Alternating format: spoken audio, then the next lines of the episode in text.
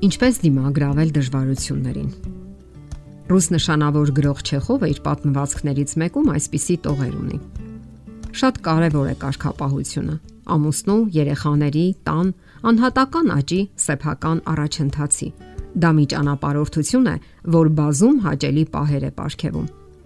Երիտասարդ ամուսինները հաճախ են հիասթափվում ամուսնական կյանքից, երբ իրենց կյանքը չի նմանվում երջանիկ ավարտով հերոստատեսային սերիալների։ Այդպիսի երջանկությունը սովորաբար ձևավորում հորինում են 30 րոպեի ընթացքում, սակայն իրական կյանքը այլ հարցեր է առաջադրում մարդկանց։ Խնդիրն այն է, որ ամուսինները պետք է կատարելագործեն փոխադարձ սատարման վրա հիմնված հարաբերությունները։ Այդ ձևով հեշտանում է նաև որոշումներ ընդունելու եւ դրանք գործնականում կիրառելու հմտությունը։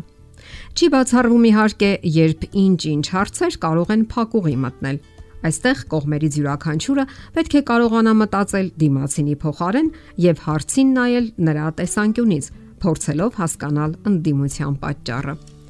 Կարևոր է, որ կողմերը վերլուծեն իրենց սեփական վերաբերմունքը դիմացինի հանդեպ։ Սա միանգամայն հասու է լուրջ հավասարակշիռ եւ հասուն մտածողություն ունեցող մարդկանց, ովքեր շահագրգռված են ելք գտնելու մեջ, այլ ոչ թե հարցը տանում են միակողմանի լուծման ճանապարհով։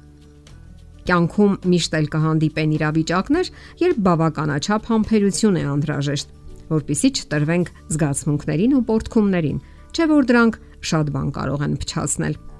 Պարզ ճշմարտություն է, որ սերն ու բռնությունը անհամատեղելի են։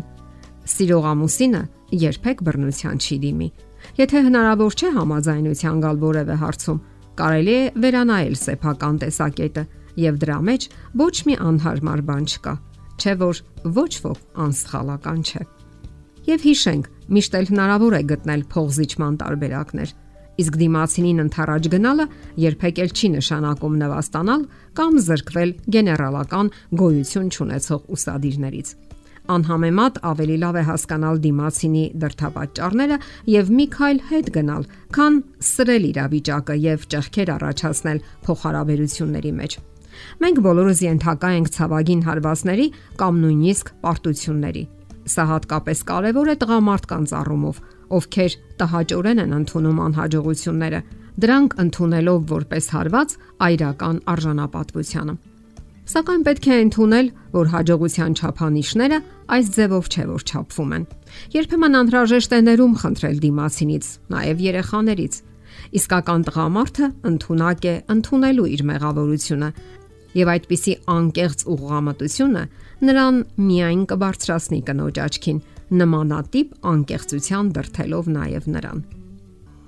Ասենք որ կինը մեծապես զգում է իր ամուսնու պաշտպանության կարիքը։ Նա պետք է պաշտպանված լինի կյանքի բոլոր դաժան դրսևորումներից եւ ոչ միայն ֆիզիկական սպառնալիքներից, այլև հուզական, հոգեկան տրավմաներից։ Ամուսինը միաժամանակ այն քարե պատն է, որի հետևում կինը պաշտպանված է ցանկացած վիրավորանքից։ Դա կարող է լինել տանտերը, սեփական երեխաները, բարեկամը եւ այլն։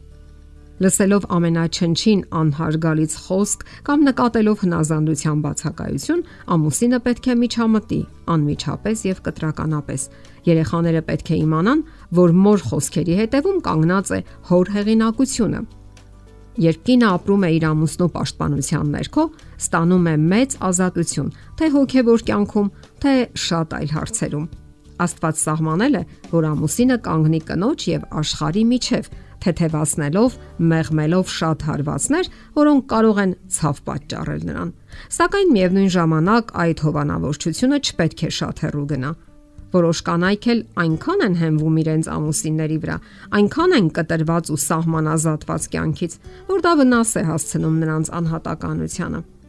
Իսկ երբ տղամարդը ծանր պահերին զգում է կնոջ հոգատարությունն ու մխիթարությունը, որն այնքան հատուկ է կանացի բնույթին, պատասխան պահանջ է զգում լինելու նրա պաշտպանն ու հենարանը։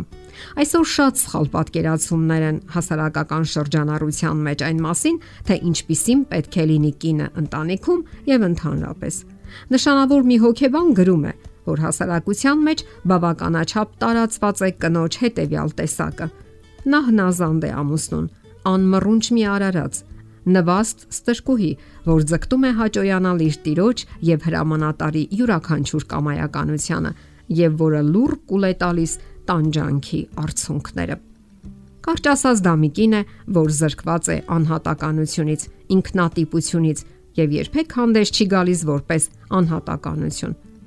Ամուսնական խորհրդատվության մասնագետները համակարծիք են, որ Աստված այնպես է նախասահմանել, որ ընտանեկան երջանկությունը հնարավոր է միայն այն ամուսինների համար, ովքեր մշտապես սատարում են միմյանց։ Ասել կուզի զուր են ընտանիքի գլխավորը լինելու համար մղվող ճակատամարտերը։ Կինը պարզապես կարող է սատարել ամուսնուն հնարավորություն տալով լինելու ընտանիքի գլխավորը։ Նա նաև պետք է ջանա, որpիսի լինի հմուտ, խելամիտ, աշխատասեր, փորձառու, քնքուշ, նուրբ եւ բարի։ Նա ստրուկ չէ եւ ոչ էլ աղախին Ամուսնությունը միմյանց լրացնող մարդկանց միություն է եւ առանցքային հասկացությունն այստեղ փոխադարձ սատարումն է։ Եթերում ճանապար երկուսով հաղորդաշարներ։ Ձեզ հետ է Գեղեցիկ Մարտիրոսյանը։ Հարցերի եւ առաջարկությունների դեպքում զանգահարեք 094 08 2093 հեռախոսահամարով։ Հետևեք մեզ hopmedia.am հասցեով։